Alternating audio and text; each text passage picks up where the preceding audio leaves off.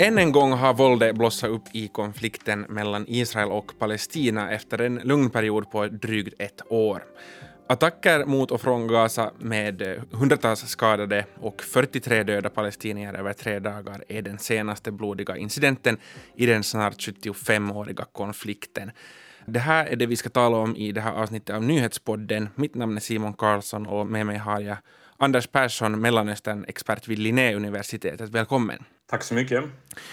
Anders, eh, varför hamnade vi här nu den här gången?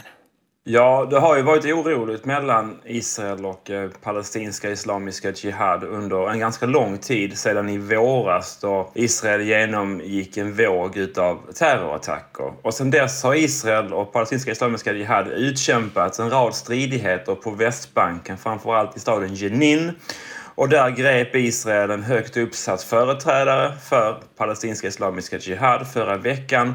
Och det var det som utlöste den här konflikten den här gången. Kan du lite öppna upp, vad är alltså Islamisk Jihad för organisation? Ja, man kan säga att det är en organisation som har funnits i ungefär 40 år sedan början av, av 80-talet. Och man brukar säga att det är en liten organisation, den är mycket mindre än, än Hamas. Den har ändå många tusen eh, medlemmar på de palestinska områdena och sådär. Men det är en, en, relativt liten organisation som är ännu mer radikal än, än vad Hamas är och också mer stödda utav Iran än vad Hamas är. Så man kan säga att det är de sakerna som skiljer. Sen kan man lägga till en grej också att Hamas är ju liksom det regeringsbärande organet i Gaza. Så de styr ju ut över två miljoner invånare där. Och det gör att de liksom är i regeringsställning och då blir mer pragmatiska, måste förhandla med Israel och andra och så vidare. Islamiska Jihad har ju inte ansvar för människor och invånare på samma sätt. Men så vad är relationen mellan Islamisk Jihad och andra aktörer som Hamas till exempel? Ja, alltså mestadels kan man säga att det liksom är en, liksom, en, en goda relationer och de har ju mycket mer gemensamt än vad som skiljer dem åt. De har ju liksom en islamistisk ideologi som är väldigt snarlik. Som regel så strider de ju sida vid sida mot Israel och ibland så har de ju också, vad ska man säga, att de konkurrerar med varandra om eh, befolkningens gunst och att få medlemmar och sådär. Så ibland så försöker de ju övertrumfa varandra i, ja, men i attacker och försöker liksom ta ansvar för prestige och så vidare för våldsamheter med Israel. Men just som sagt, en sak som skiljer dem åt är att de är mindre och att de inte har ansvar för befolkningen. Israels attacker mot Islamisk Jihad var enligt Israel för att Islamisk Jihad planerade en, en attack mot Israel. Vad vet vi om den attacken? Ja, vi vet att, att, att det bygger på underrättelseuppgifter i Israel. Och det är såklart svårt att kommentera liksom hemliga uppgifter mm. från ett skrivbord i, i Europa, huruvida det är sant eller inte sant. Men man kan säga så mycket som att Israel tog ju de här varningarna på väldigt stort allvar och stängde ju ner vägar och så runt Gaza i ett par dagar för att förhindra eh, att de här attackerna skulle kunna genomföras. Det var då tal om att det skulle vara attacker mot, eh, med antitankvapen mot, eh, mot bilar eller fordon eller militärposter e-, eller liknande. Så Israel tog det på väldigt stort allvar. Sen samtidigt så förefaller det också liksom finnas andra motiv bakom här att liksom verkligen Eh, lära Islamiska Jihad en läxa och, och eh, trycka till dem och, och, visa avskräckning för, för framtiden. Kanske även politiska mål bland ledarskapet i Israel. Vi står ju inför ett stundande val och sådär så det fanns kanske också med i i, i beräkningarna. Mm. Har det här hotet från Islamisk Jihad då växt den senaste tiden eller har det varit en konstant närvaro i den här konflikten? Men både och. Jag skulle säga så här, alltså, de har haft en konstant närvaro. Men det faktum att det har varit upptrappningar på Västbanken, stridigheter, dödande medlemmar som har gripits och satts i fängelse och så vidare har ju liksom ökat på stridigheterna och därmed också riskerna för ytterligare konfrontationer. Och nu föreföll det som att Islamiska Jihad ville hämnas den här senaste våldscykeln och arresteringarna av dess medlemmar. De eh, israeliska attackerna mot Gaza som vi nu talar om så ledde alltså till tiotals dödsfall och de flesta var civila och besvarades av raketattacker från då Islamisk Jihad som resulterade i sin tur i skadade israeliska civila. Eh, och efter medling av bland annat Egypten så blev det vapenvila mellan parterna på söndagen och efter en skakig start så verkar den här vapenvilan ha hållit Hur kommer vapenvilan och lugnet att eh, hålla sig den här gången? Hur länge och hur väl? Ja, det är en bra fråga. Jag ska börja med att säga att en del av dödsoffren i Gaza kommer ju av allt att döma ifrån eh, raketer från Islamiska Jihad som störtade inne i Gaza och därmed också dödade människor i Gaza. Så man kan säga det innan vi går in mm. på, på frågan. Men av allt att döma så förefaller vapenvilan hålla i det kortsiktiga perspektivet. Och Israel har även gjort försök med andra saker för att Hamas ska hålla sig lugna. Man har över 10 000 palestinier från Gaza som, som jobbar i Israel. Det är ett prat nu om att människor från Gaza ska kunna liksom flyga från israeliska flygplatser på semestrar och liknande. Så man försöker med en rad typ, typer av ekonomiska lättnader och incitament att få Gazas befolkning att vara lugn. Och det har ju funkat i perioder tidigare. Men vi vet ju för den här konflikten och för många andra konflikter att man kan inte lösa konflikter med pengar. Det ser vi till exempel i Ryssland och i Ukraina. Jag menar, inga pengar i hela världen kan få ut Ryssland från Ukraina och inga pengar i hela världen kan få Ukraina att, att sluta strida. Samma sak gäller med Kina och Taiwan och samma sak gäller här. Alltså man kan inte köpa palestiniernas gunst för pengar i det långsiktiga perspektivet. Och det är det som gör att jag tror att den här vapenvilan kommer att hålla kortsiktigt, men inte långsiktigt så länge som Gazas politiska problem inte adresseras. Och vi ser ju också tidigare att många andra vapenvilor har hållit i något år och sådär och sen är det nya stridigheter. Men hur ser då livet ut för människor, dels eh, i Gaza och på Västbanken som eh, måste förhålla sig till plötslig, plötsligt israeliskt våld och å andra sidan Israel som lever med hotet från, från missiler från till exempel Islamisk Jihad. Hur, hur, liksom, hur lever man med en sån här situation? det är tre olika teatrar här med tre väldigt olika förutsättningar för, för mänskligt liv. Om vi börjar med Gaza då, som är det mest utsatta området. Då har vi över två miljoner människor som lever i ett av världens mest tättbefolkade eh, områden och som lever under väldigt svåra mänskliga förhållanden. Och det gäller liksom inte bara säkerhetssituationen, det gäller liksom den ekonomiska situationen, det gäller miljöproblem, det gäller rent vatten och också att man lever under någon typ typ av belägring där många människor inte kan lämna Gaza. Framförallt inte de som inte har kontakter eller mycket pengar. Också väldigt svårt att åka in i Gaza. Jag till exempel får som regel inte lov att åka in i, i, i Gaza. Vissa journalister får och så vidare. Så livet är väldigt svårt i Gaza på, på många, många sätt.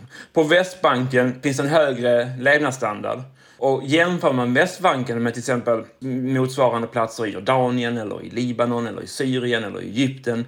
Så på det hela taget är liksom livet på Västbanken enligt många parametrar bättre än i grannländerna. Sen samtidigt har man ju ingen liksom, politisk frihet. Dels är man ockuperade utav Israel och dels så styrs man utav palestinska myndigheten som inte är en demokrati och som inte har hållit fria val på över 15 år nu. Så ibland menar palestinier att man lever under två ockupationer.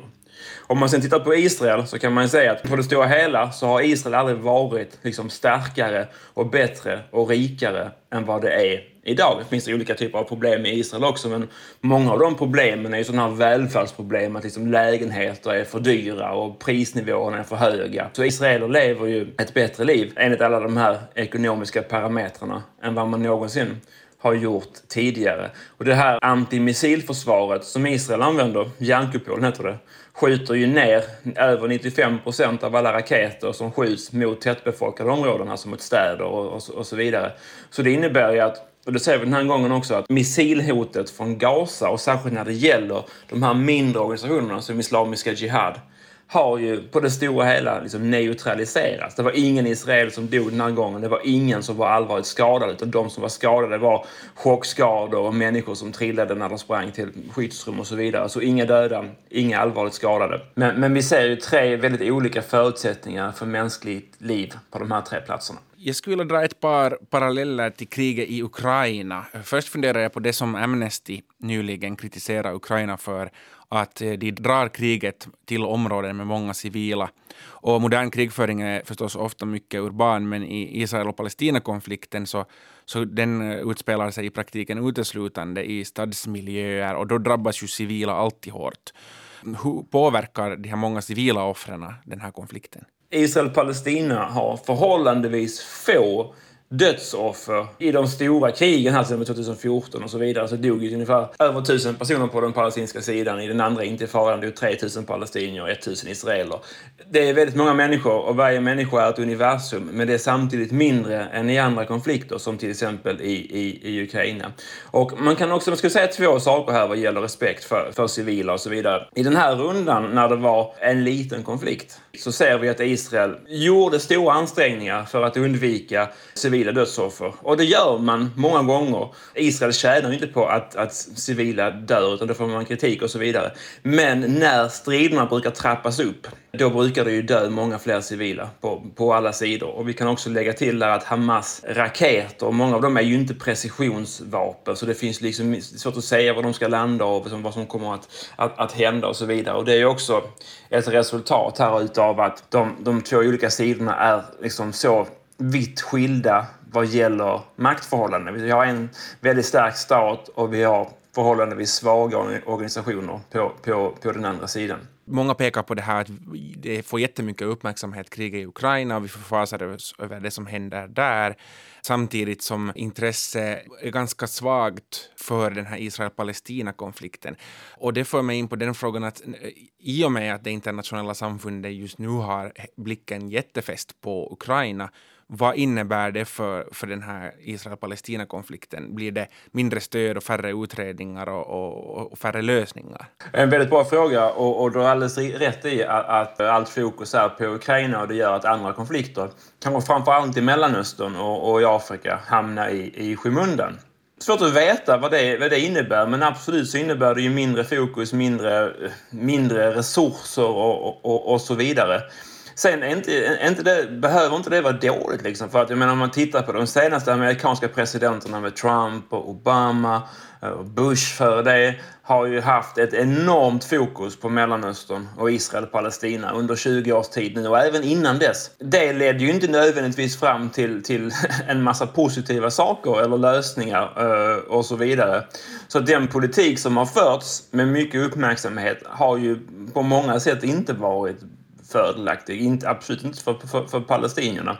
Det återstår att se liksom om mindre stöd och mindre fokus och alla blickar på Ukraina, huruvida det kommer att innebära någonting annorlunda. Det, det, vet vi inte riktigt än, men, men det är en väldigt bra fråga och det är en fråga som, som framtiden får, uh, får besvara. Har det förts seriösa förhandlingar mellan parterna nu på den senaste tiden? Nej, inte seriösa förhandlingar vad gäller liksom en politisk horisont och vad gäller ett politiskt slut på, på konflikten. Alltså parterna här, även Hamas, förhandlar ju med Israel hela tiden om mm. allt möjligt. Men det kan ju vara vet, utväxling av fångar eller liksom arbetstillstånd eller sådana här mer praktiska små grejer. Men stora fredsförhandlingar om politiska lösningar har ju inte förts på väldigt, väldigt många år beroende på liksom hur man räknar Trumps fredsplan. Nu var ju palestinierna inte med på den. Men eh, Biden har ju definitivt inte haft några som helst planer eh, på det. Och jag tror också att Biden, eh, jag tror att han tänker på två saker. Dels att han har liksom fullt fokus på, på andra platser, på, på Ukraina, på Taiwan, på, på hemmaplan. Och också att han känner att, att, att liksom, ingen av de här sidorna är, är riktigt redo för närvarande. Eh, alltså, och inte villiga heller. Och det, det, det är det som är problemet här. Att det maximala som Israel kan ge är mycket mindre än det minimala som palestinierna kan acceptera. Mm. Så det finns liksom ett gap mellan, här, mellan vad, vad, vad sidorna kan ge och ta. Men, men, finns det då någon tro på att den här konflikten kan lösas inom någon slags tidshorisont? I nuläget finns det väldigt lite som tyder på det. Och det finns väldigt få bedömare så, så, som är optimistiska och tror att en lösning ska komma till stånd inom en, en, en, en nära framtid och även liksom en medellång lång framtid. Så, så oerhört stor pessimism på alla sidor vad gäller en lösning. No, du har besökt Israel och Palestina och också många andra ställen i, i Mellanöstern som vi kallar den här mycket stora och konfliktdrabbade regionen. Kan du öppna upp hurdan potential du ser att eh, regionen skulle kunna uppfylla när den här konflikten får ett slut? Ja, men den har en enorm potential uh, inom en rad olika områden, inte minst vad gäller liksom, turism och så vidare. Där du har liksom kanske världens mest kända turistplatser som ligger väldigt nära varandra. Från pyramiderna till eh, Jerusalems heliga platser till, till Petra. Det finns ju en, liksom en eh, väldigt, väldigt fin matkultur. Det finns ett underbart varmt väder. Regionen har ju en väldigt stor potential. Och det är också en region som ligger väldigt nära Europa. Så det innebär att vi är beroende av Mellanöstern på ett helt annat sätt än vad USA och Kina är.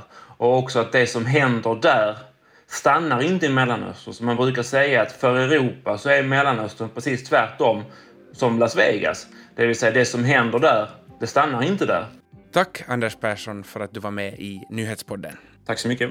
Jag heter Simon Karlsson, producent är Ami Lastsila och tekniken sköttes idag av Micke Andersén. Fortsätt lyssna på oss.